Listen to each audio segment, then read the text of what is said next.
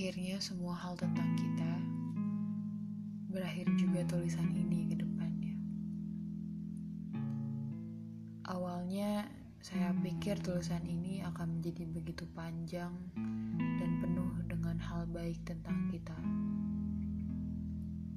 Tapi setelah saya baca kembali dari awal, semua hanyalah sakit hati dan hal-hal pedih yang sebaiknya tidak kita alami.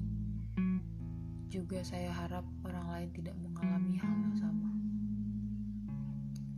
Mengakhiri hubungan bahkan sebelum memulai hubungan ini adalah hal yang cukup berkesan untuk saya. Saat kamu memutuskan untuk berteman saja, saya tahu kalau misalkan itu adalah sebuah kesimpulan dari semuanya. Kesimpulan dari semua hal yang selama ini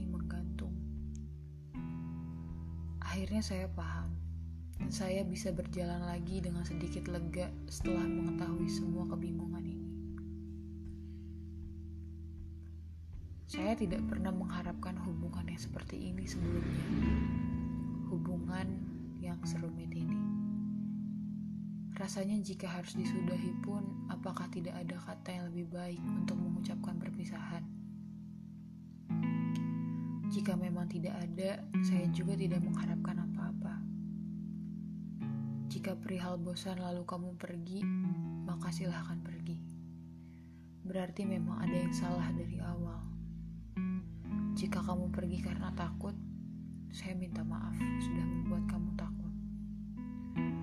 Jika kamu pergi karena saya tidak respon apa pun tentang hubungan kita, sekali lagi saya juga minta maaf. Jika kamu pergi karena saya terlalu banyak menuntut, minta diperhatikan tapi tidak mau memperhatikan, minta dihargai tapi tidak mau menghargai kamu, saya sangat-sangat minta maaf. Jika kamu pergi karena saya sudah tidak ada lagi baik di benak dan pikiran kamu, maka pergilah dan jangan berbalik lagi. Jangan menyapa, jangan peduli, jangan merasa berbuat salah, jangan merasa tidak enak karena yang salah saya. Saat hubungan ini berakhir, saya harap perasaan kamu akan jadi lebih baik. Kita urus dulu hidup kita masing-masing seperti yang kamu pernah bilang.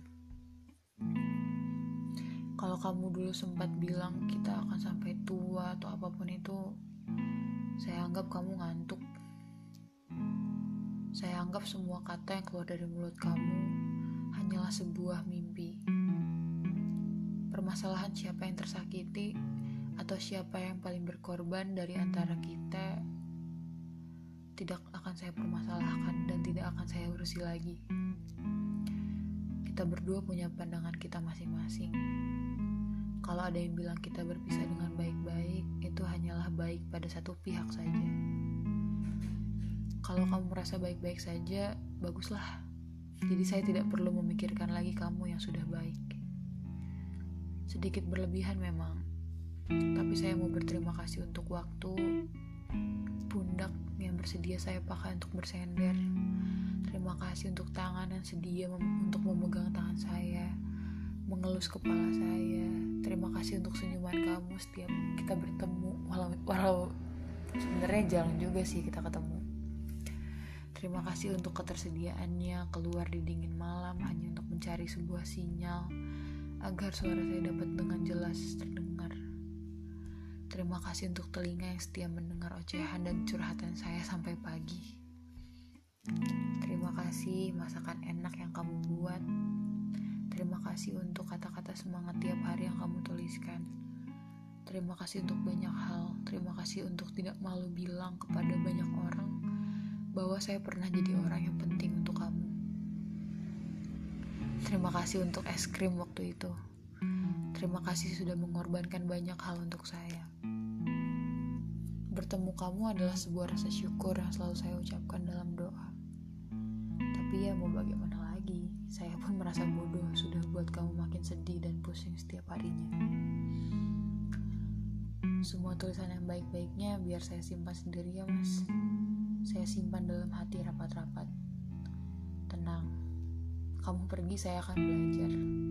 Belajar dari orang yang lebih baik lebih dewasa berpikir sebelum bertindak dan menghargai orang lain.